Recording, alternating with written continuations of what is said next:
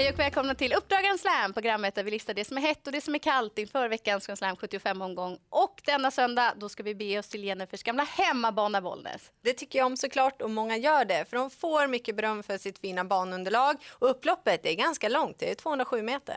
Och en aktiv som har bra koll på Bollnästravet är hemmatränaren Thomas Pettersson.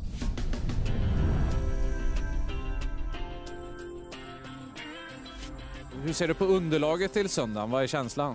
Ja, jag hoppas att det blir lite minusgrader för då blir banan kanonfin och då får de till en bra. Skulle det bli nederbörd och regn och så, så är det ju risk för tyngre förutsättningar.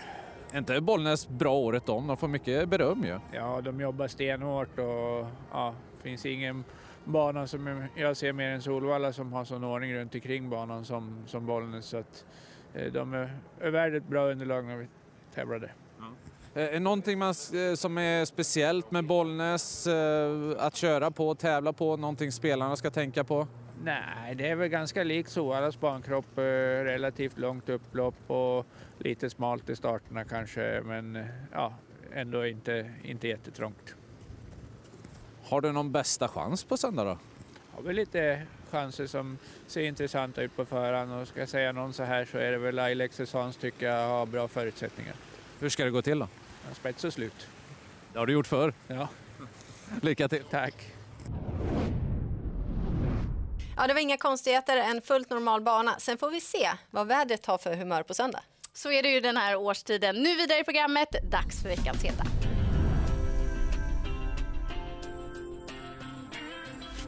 Oskar Kjellin Blom har trimmat igång stallet på allvar, framför allt nu den senaste månaden. Stallet har på de senaste 12 starterna fått med sig sex segrar hem. Och I den första avdelningen så selar Oskar Kjellin Blom ut nummer nio, Önas Rose, och jag tycker att hon ska ses med vinstchans direkt. Visade bra kvaliteter i fjol, två segrar hann hon med då och träningsrapporterna är goda kring vinterträningen. Dessutom har hon också fått ett banjobb innanför västen. Det brukar vara positivt. Och sen tror du på Persson och Djuse. Ja, och det är jag inte ensam om. När Sveriges bästa kallblodshäst 2022 Stjärnblomster äntrar banan igen. Hon var lite småseg i kroppen i sin årsdebut. Det blev delad seger den gången. Nu med lopp i kroppen så tror jag att hon kommer svara för en betydligt vassare prestation. Hon har perfekt läge, kort distans. Jag har väldigt svårt att se om hon ska förlora.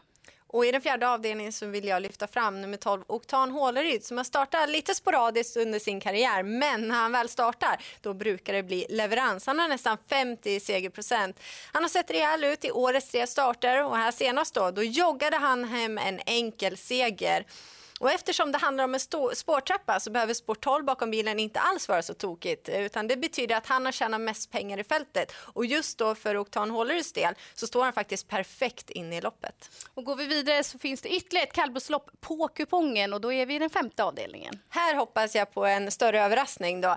Och jag tycker inte man ska glömma bort nummer 8, Grådebo, som har bättre form än vad raden antyder. Gillade definitivt formintrycket över mål senast. Visserligen så blev han diskad för trängning, men prestationen var bra.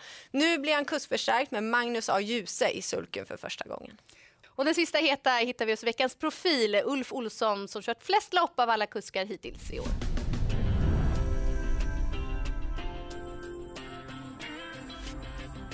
Om jag säger Bollnästravet, vad tänker du då? att de alltid serverar en fin bana i stort sett. I princip utan undantag. Ja, det är klart att ibland kan det bli lite här när det blir lite tjällossning och så här, men ofta har de ju kanonunderlag så att eh, de är duktiga där. Eh, Många hästar ska du köra såklart. Eh, Jag tänkte kolla några med dig. Lindy Pop till exempel, den vann du med i första starten för Tjomsland. Vad, vad fick du för uppfattning om hästen?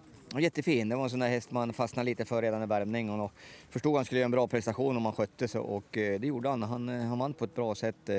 Stor fin häst. Vad tänker du om spår 1 här nu då? Ja, han har hoppat mycket i tidigare regi så det är klart det är lite svårbedömt för mig hur han öppnar och, och hur han sköts helt enkelt. Men eh, ja, spår 1 är väl ändå ett rätt bra spår, det tror jag. Du verkar ändå ha en rätt bra känsla. Ja, det har jag. Jag har inte hunnit läsa på motståndet, men hästen tycker jag har bra kapacitet i den klass han är. Så att, eh, han borde hävda sig felfritt. Och sen då den fjärde avdelningen, startgalopp för Maximisem. Eh, vad känner du där? Ja, han har ju varit väldigt osäker förut. Eh, Sen har han skött sig länge nu, men nu återföll han till gamla synder och hoppa. Han är ju lite sövlig ut, men han gjorde ett kanonlopp senast och, och det är klart att det, det är risk att vi kan hamna på lite vingel va? men formen sitter där och hamnar bara i vettigt läge så, så är han i bra form. Känner du inte slagen där? Nej, det gör jag inte.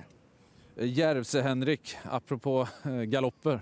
Han har väldigt osäker häst. Han har ju bra kapacitet när han fungerar. Va? Körde väl om han för några veckor sedan på Bollnäs. Var inte riktigt fin då. Ändra lite på balansen den här gången och se om det funkar bättre. Men det, framförallt att han går felfritt och, och kör på lite säkerhet. Att han försöker få en bättre rad än vad han har. Va? Han är, ja, ligger lite lågt. Eh, Hur ligger du vad det gäller Soltan där som ska ut i den sjätte avdelningen? Det, det är en del tillägg att ta in. Ja, det är ju det. Det är ju en väldigt fin häst där. Han eh, svarar för väldigt bra prestationer här ett tag. Och länge sedan jag körde så att det ska bli intressant att köra han igen. Och det är en häst som man eh, ja, alltid tror på lite chans när man kör, va? så att det är inte helt borta. Är det någon du har någon extra känsla för? En felfri Lindy Pop tror jag är bästa chansen. Tack så mycket. Tack.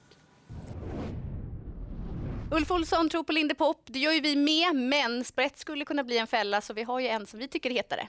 Ja, han kommer nog inte sitta fast i alla fall. Elva Solt Soltan i en sjätte avdelning. Han har gjort det väldigt bra i år och det är en bra häst. Han tål att gå bakifrån, tål att göra jobbet själv och lång distans har vunnit över. Senast så blev det ingen framskjuten placering, men han gjorde ett grymt lopp. Jag kunde inte beskylla honom för att bli lite trött sista biten och det är ändå klart plus då att det är Ulf Olsson i sulken den här gången. Nu har ni fått de heta hästarna och vi går vidare i programmet till veckans kalla.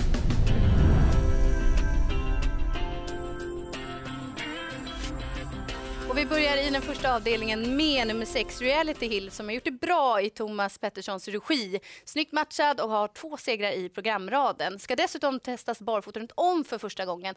Trots det tycker jag att uppgiften ser tuff ut. Betydligt tuffare motstånd och hon måste rekordsänka en hel del. Så jag tycker inte att hon är ett hett segerbud denna gång. I den femte avdelningen så är det nummer fem Järvsö Henrik kababel och han blir farlig felfri men han är absolut inte att lita på. Han har 65 i galoppprocent och kommer nu med sex raka galopper.